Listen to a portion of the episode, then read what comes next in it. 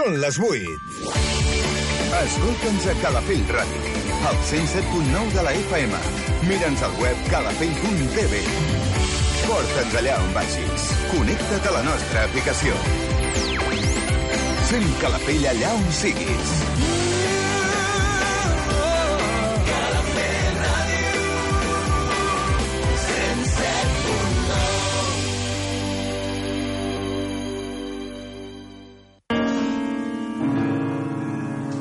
L'Hora del Jazz.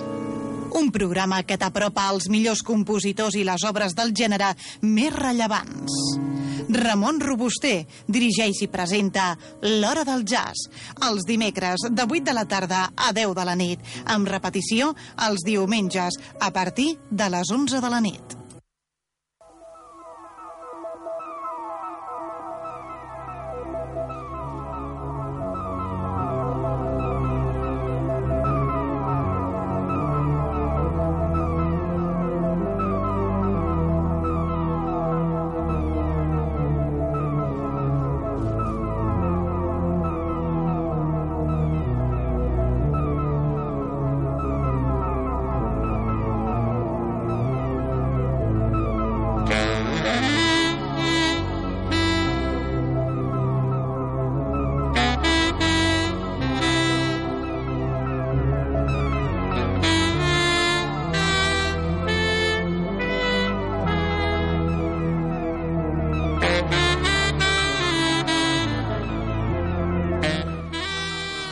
Jazz. Uh, L'Edu al control i Ramon Robuster amb els guions i el que us parla.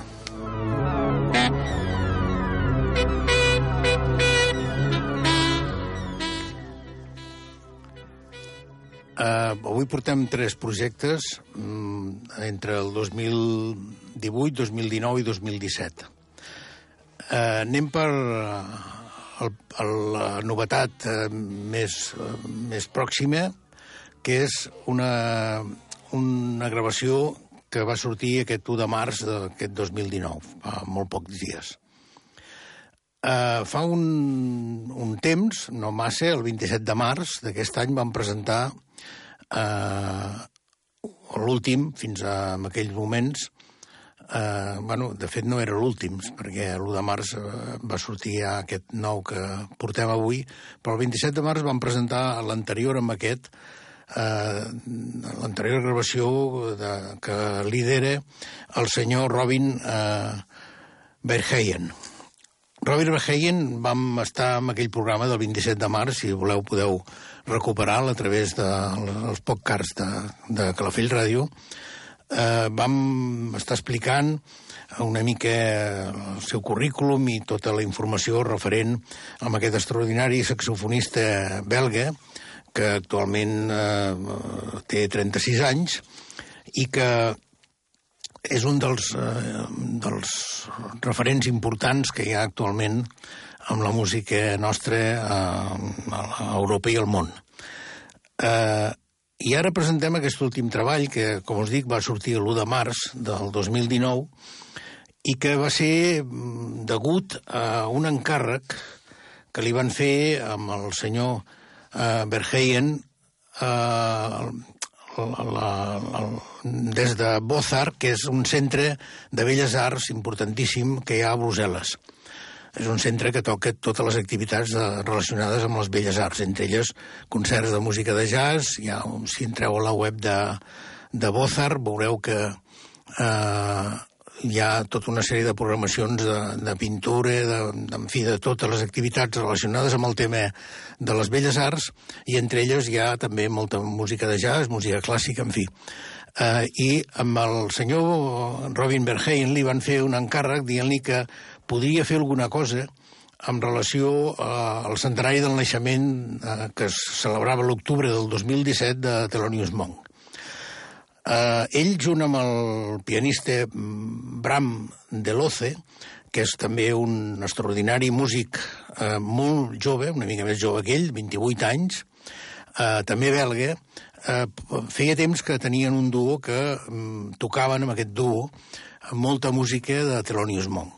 Uh, D'aquí venia el tema. I eh, bueno, una vegada fet aquest encàrrec, eh, el, el, el senyor Robin va creure que podrien eh, afegir eh, amb aquest duo eh, una peça que jo crec que és bàsica i importantíssima eh, dintre de tot el món del jazz, que és el Joey Baron. Joey Baron, aquest bateria extraordinari, eh, com que estem parlant dels anys que té cada un, doncs aquest no té 64, i, però bueno, amb un currículum d'aquests al·lucinants i que tots coneixem i que tots hem posat i que tots tenim discos d'ell i, bueno, en fi, a l'hora del jazz de Calafell Ràdio ha passat molts discos de Joe Baron. Uh, aquest, aquest uh, format, aquest grup, i fetes les actuacions corresponents a tots aquests, uh, aquests encàrrecs, d'aquí va sorgir que uh, fer durant dos dies, el 5 i 6 d'octubre del 2018, eh, a Motor Music d'Estudios de Mechelen eh, aquesta gravació que escoltarem avui i que jo crec que és un dels àlbums importants d'aquest any 2019 en relació poder possiblement a la música de jazz europea, però bueno, aquesta música ja sabem que és universal i que arriba a tot arreu i precisament eh, aquest, eh, aquest lligam amb Thelonious Monk eh, doncs és, és, és realment interessant. El, el, com, aquest, aquesta gravació està formada, la podeu adquirir en versió de CD i d'LP, eh, com l'anterior, que vam posar eh, fa un, molt poc temps, també està editada per Universal Music, i, eh, com us dic, està formada bàsicament per 10 composicions. Eh, tot i que amb el CD n'hi ha dues més, una és, com, és un, una, una presa alternativa d'una de les peces que, que escoltarem avui, i una altra afegida, perquè bueno, sabem tots que la capacitat del CD és una mica més gran. Eh, anem per eh, la primera... Bueno, volia comentar simplement que mm, dintre d'aquestes deu bàsiques peces n'hi ha cinc que són composicions de Thelonious Monk i cinc que són repartides entre algunes eh, amb el duo de, del pianista i el saxofonista i algunes, bàsicament, només del Robin Verheyen, eh, com, com que és una mica el que lidera tot aquest grup, no?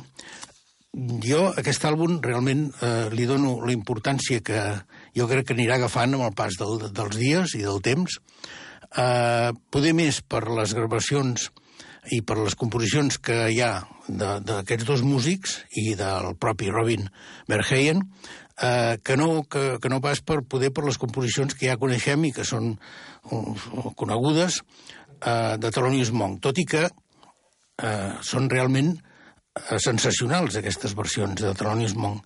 Són realment diferents i val la pena també eh, aquest àlbum poder per aquest motiu.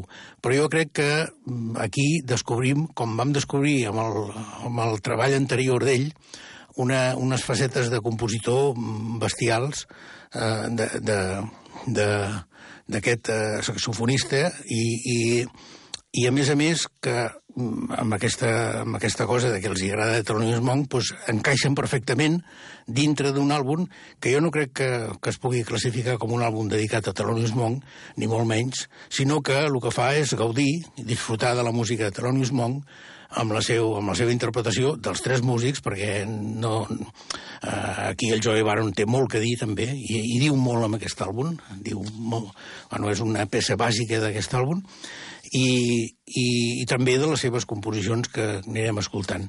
Anem per la primera, que és Oscaté, que és una coneguda de Thelonious Monk.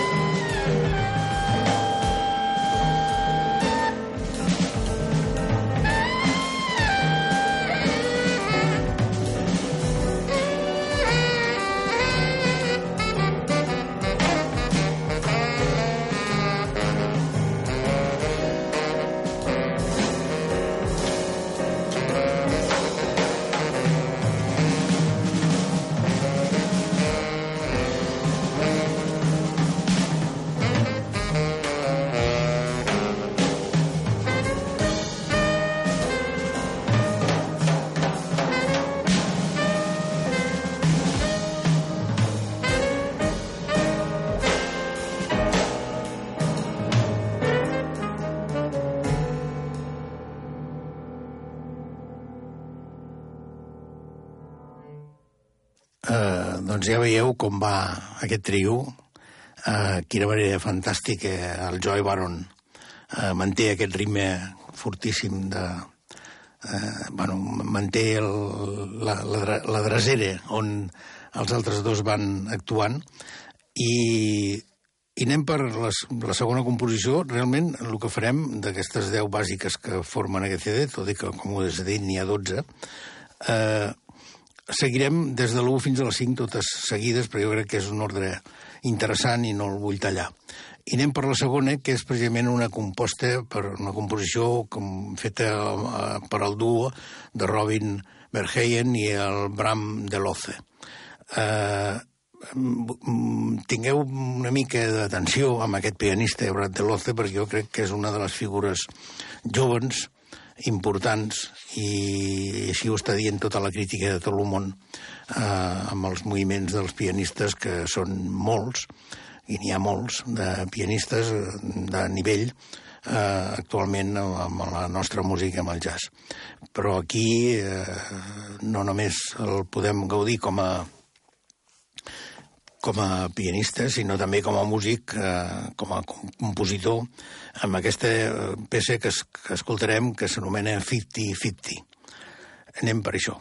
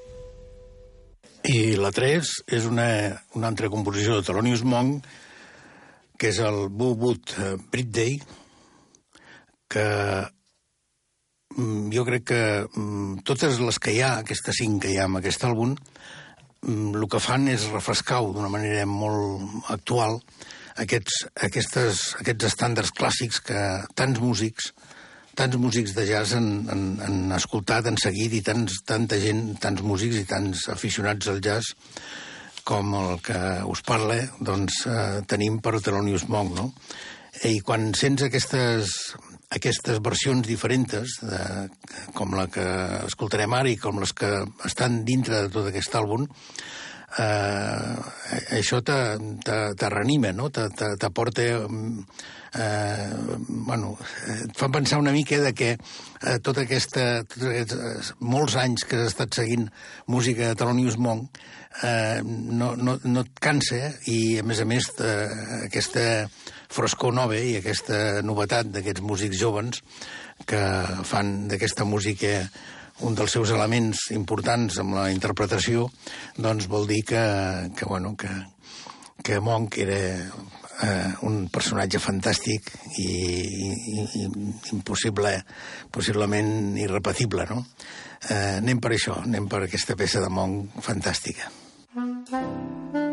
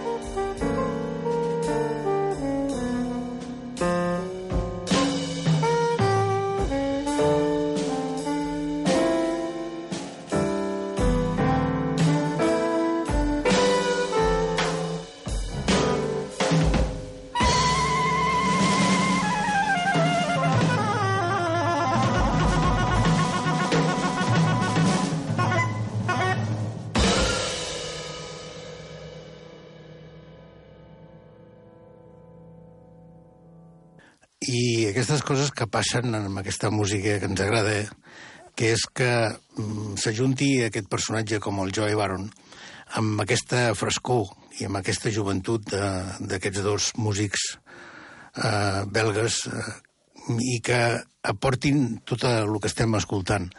Vull insistir que aquest àlbum mm, és un àlbum molt, molt important dintre del que possiblement escoltarem aquest any i que no m'estranyaria que fos un dels àlbums més, més ben criticats de, de, de, bueno, de l'any, no?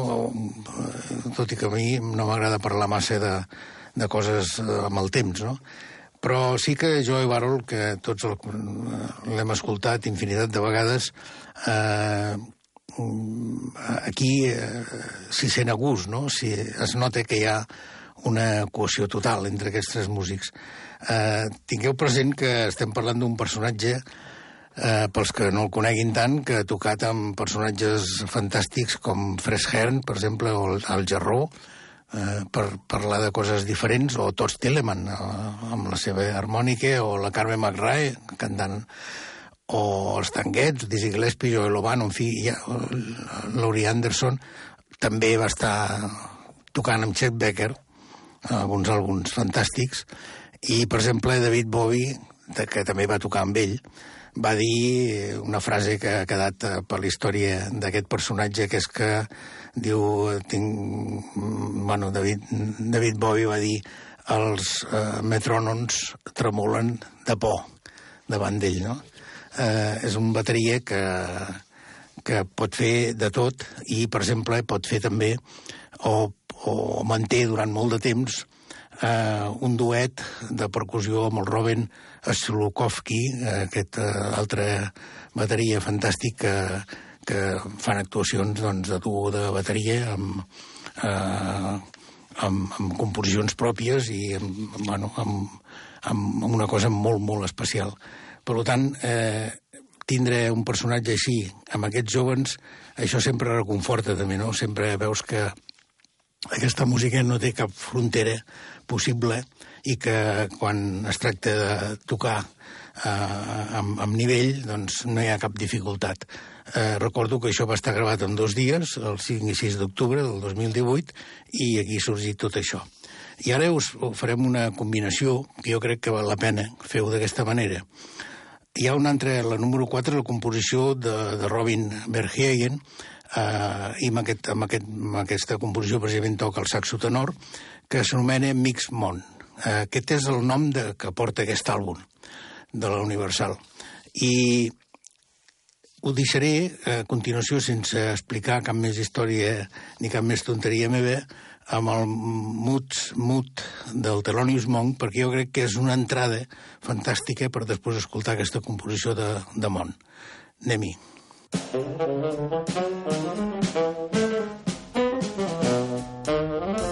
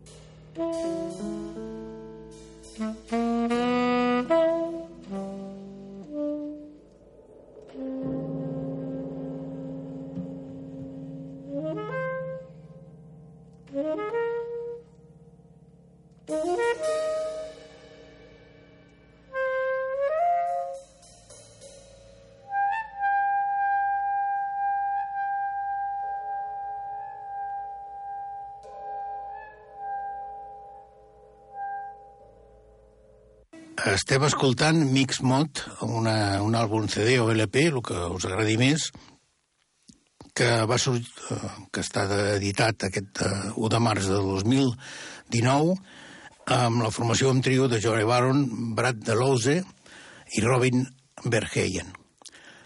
Uh, anem per una altra peça, uh, aquesta vegada és una composició del Robin Verheyen i aquesta, en aquesta ocasió gaudirem del saxo soprà.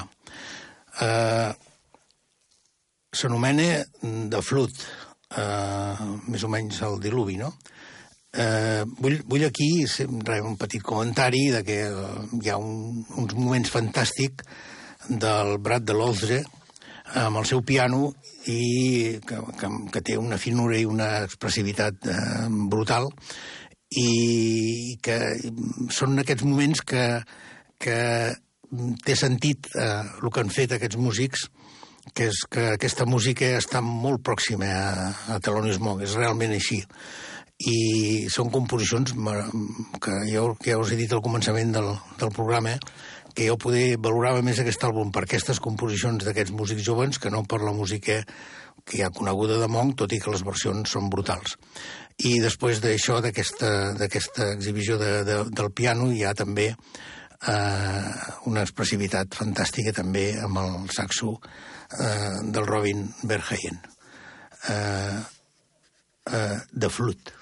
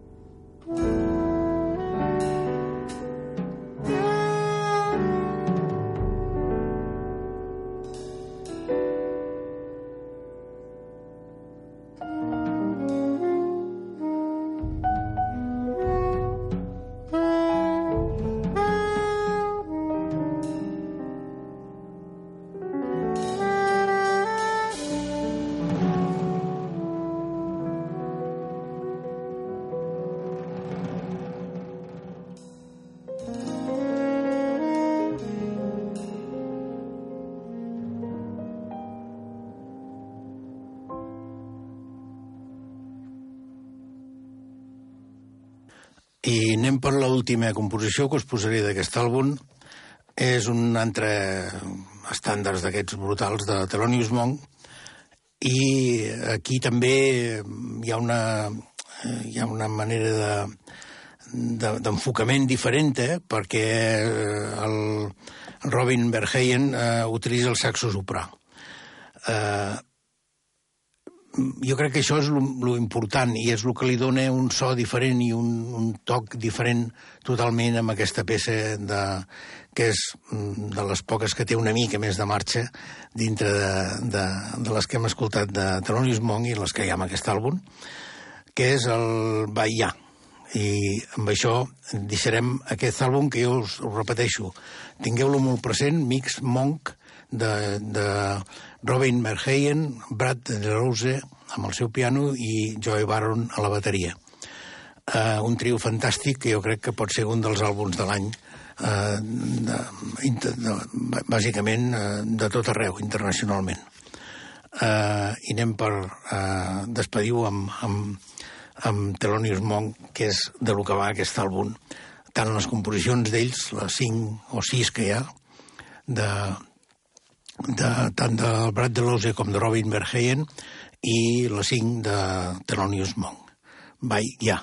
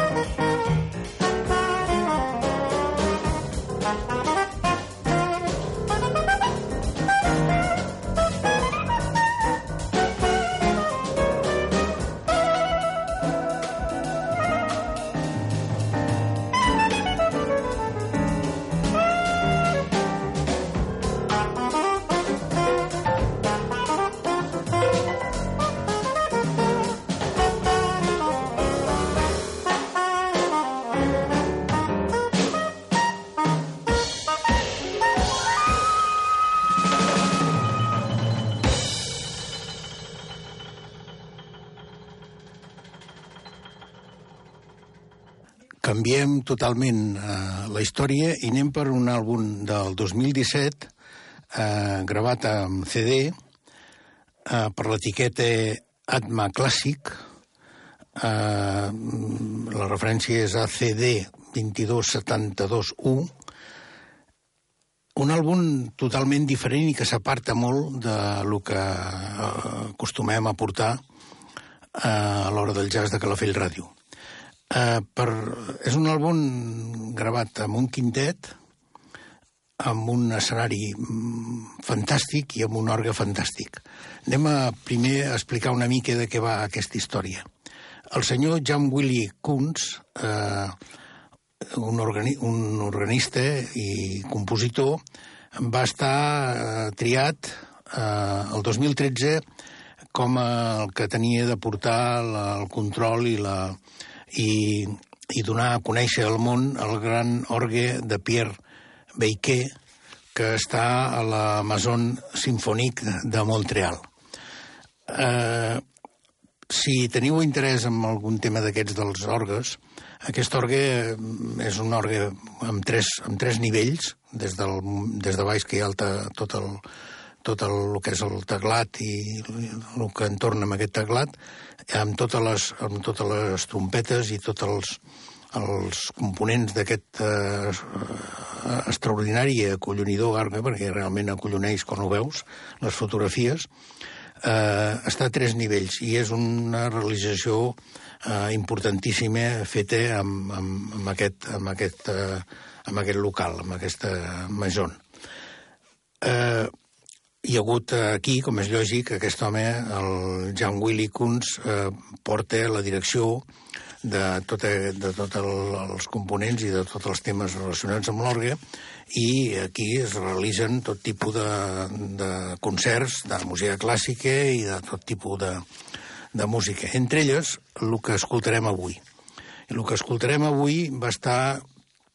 És un àlbum que el van llançar el 2 de juny del 2017 i que va estar gravat amb aquest escenari tan extraordinari.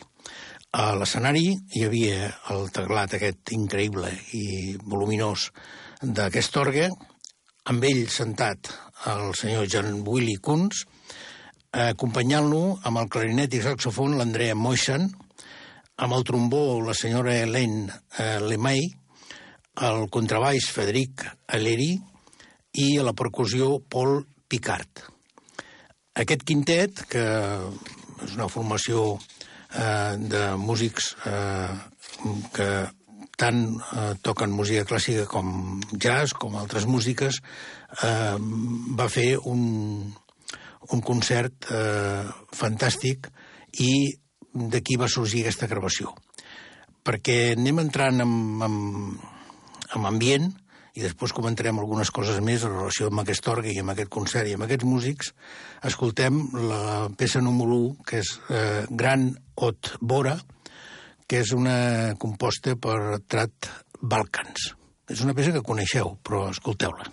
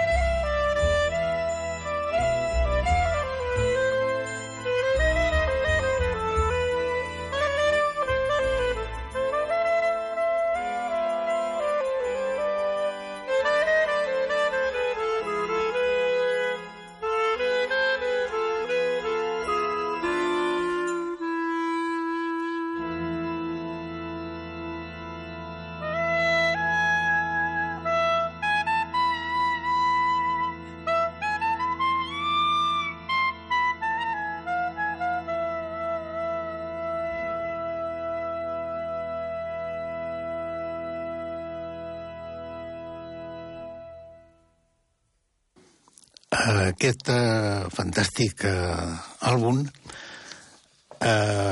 porta mm, inclòs uh, una informació brutal, fantàstica, de 18 pàgines uh, amb el fullet que, que va amb, amb el CD i el mateix, el, el mateix uh, director de tota aquesta d'aquesta formació, el Jan Willy Kunz, en, eh, ens diu que eh, l'àlbum, que no us he dit com s'anomena, que s'anomena Impressions, eh, presenta, diu, una faceta inusual de l'orgue amb un viatge musical per descobrir un repertori original en companyia d'altres instruments amb els quals rarament eh, s'ajunta no? o dialoga. I segueix dient que des de les danses tradicionals el jazz o fins i tot la música de Krefmer, l'orgue es converteix en un instrument polivalent i unificador, capaç de sons eh, que no s'esperaven. Els, els seus eh, timbres rics o proporcionen una textura ideal per la improvisació del clarinet, saxo, i saxofon i trombó i la seva àmplia texitura li permet eh, competir amb el baix, amb els registres més baixos i s'uneix a la bateria per, la complet, per completar la secció rítmica d'aquest quintet de grans dimensions. Realment eh, és veritat que entre la sala, que és eh, majestuosa i fantàstica, d'una arquitectura moderna molt maca, i aquest, eh, aquest eh, so de fons d'aquest orgue, eh, realment sembla que hi hagi molts més instruments a l'escenari quan estem parlant d'un quintet, no?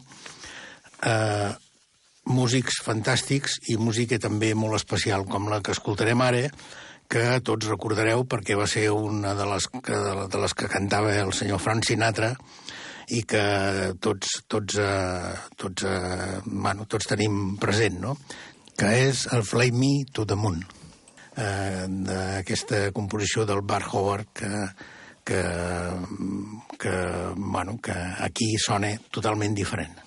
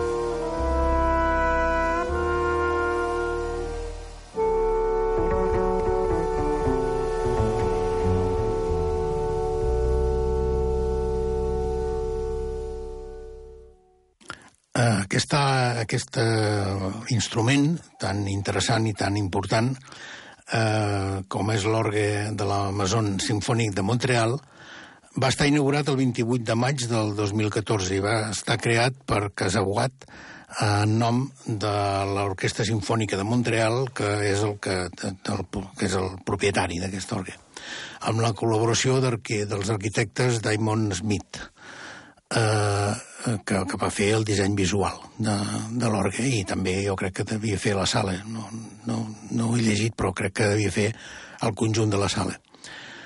Es tracta, eh, segons l'explicació que hi ha aquí amb aquest llibret que us he dit, de 18 pàgines, d'un orgue eh, orquestal escrit amb registres de, del carter de Sant Iachinté.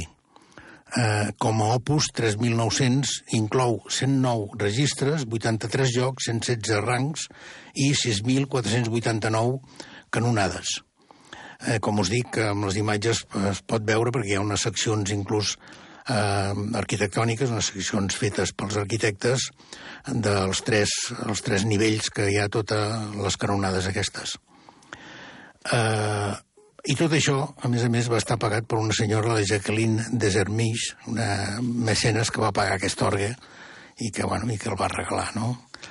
Uh, i el senyor Jean-Luc, John Willy Kunz, que és el que estem escoltant avui amb aquesta gravació, és el que el 2013 va treure en propietat doncs, la plaça d'organista d'aquest fabulós orgue de, de la Maison Sinfònic de Montreal.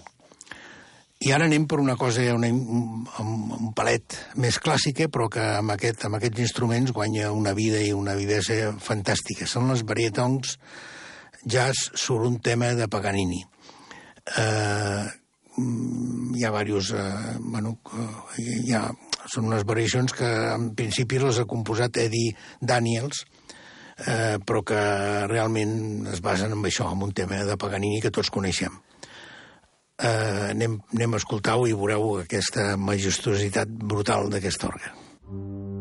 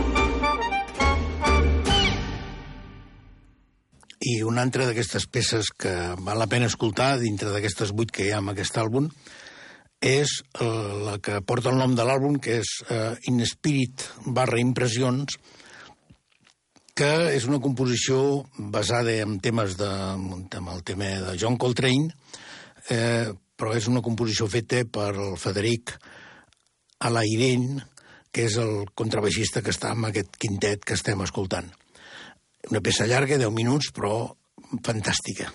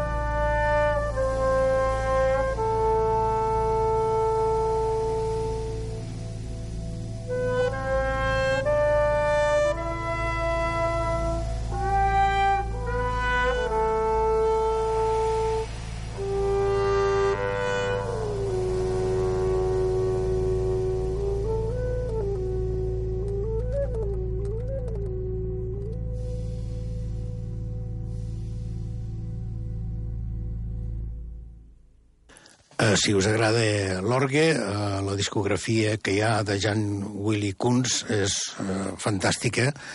No està tan dintre d'aquest uh, tema una mica jazzístic com estem escoltant avui, sinó que va més relacionada amb temes clàssics, però que val la pena escoltar i escoltar aquest orgue, aquest orgue fabulós uh, de la Maison Sinfònic de Montreal.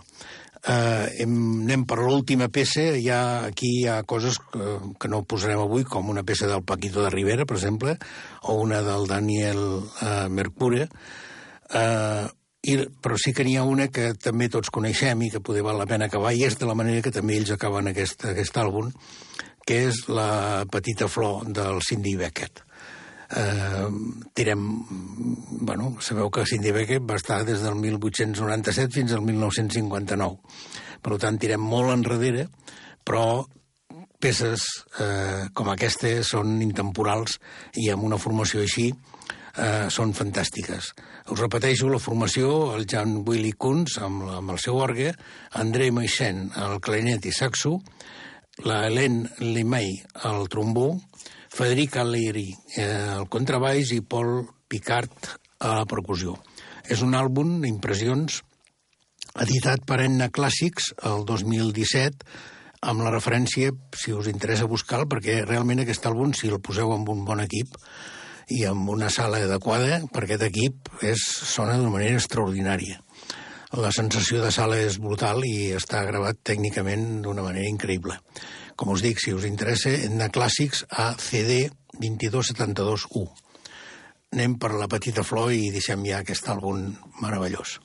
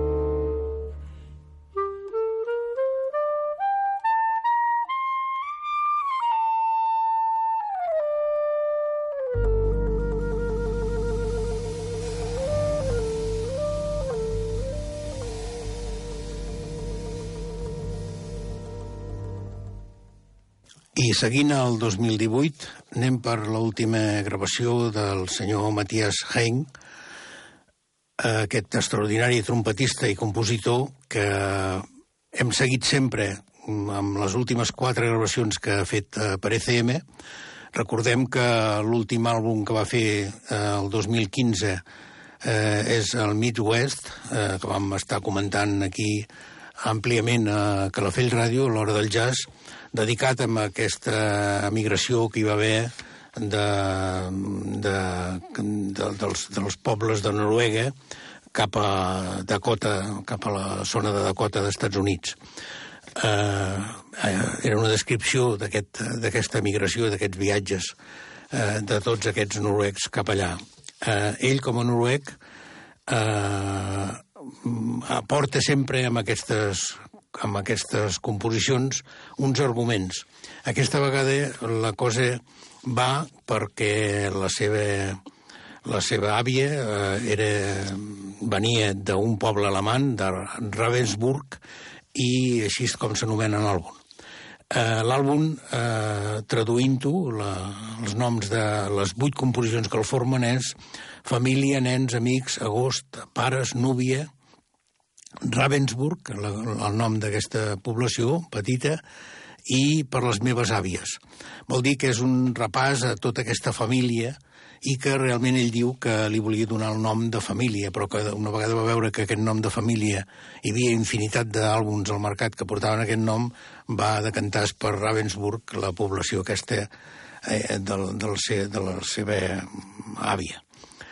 Uh, Matías Haynes uh, s'ha juntat aquí amb un altre violinista diferent de l'últim que portava amb l'últim àlbum, que és el uh, Hakon Hase, uh, amb 21 anys només, quan va començar a tocar amb, la seva, amb aquesta banda, tenia 21 anys, ara suposo que en deu tindre, 22, perdó, deu tindre, deu estar pels 23 o 24. Andreas Ulbo, al piano, anteriorment portava John Blake, si recordeu, uh, Audun Erlien, amb el baix elèctric, Anteriorment també no hi, no hi havia aquest uh, baixista, sinó que hi havia el Mats Eilesten. Uh, també hi ha un bateria nou, que és el Thorstein uh, Loftus, uh, que s'afegeix amb aquesta formació d'aquest sextet nou de Matthias Hein, i el percussionista i bateria que ja portava molt amb l'anterior CD, que és el Elger Andreas Norbarken. Uh, aquests sis músics i totes les vuit composicions de Matthias Hayes formen aquest eh, extraordinari, jo crec que és extraordinari àlbum Ravensburg, sempre amb aquest lirisme i amb aquesta descripció de la música que fan i amb aquest joc mm, fantàstic eh, que ell ja, amb l'anterior àlbum ja va donar a conèixer, que és ajuntar aquest so meravellós d'aquesta trompeta, que és un dels més nets i més mm, perfectes que jo conec a la trompeta de Matías Haynes, junt amb un violí. I aquest diàleg és singular també amb aquest àlbum i porta un, un, eh, un cesell brutal a tot el que últimament ens està regalant Matías Haynes. Anem per la primera cançó, que és Els nens, els Cliden, i eh, Eh, comprovarem, a més a més, que aquí fa servir un altre instrument, per dir-ho d'alguna manera, que és la seva veu. Una veu molt maca i que, sense dir res, només vocalitzant, eh, fa el mateix que amb la trompeta. Ja, I molta gent diuen que la trompeta és una mica la veu del músic, no? Doncs aquí la seva veu també s'incorpora en aquestes peces.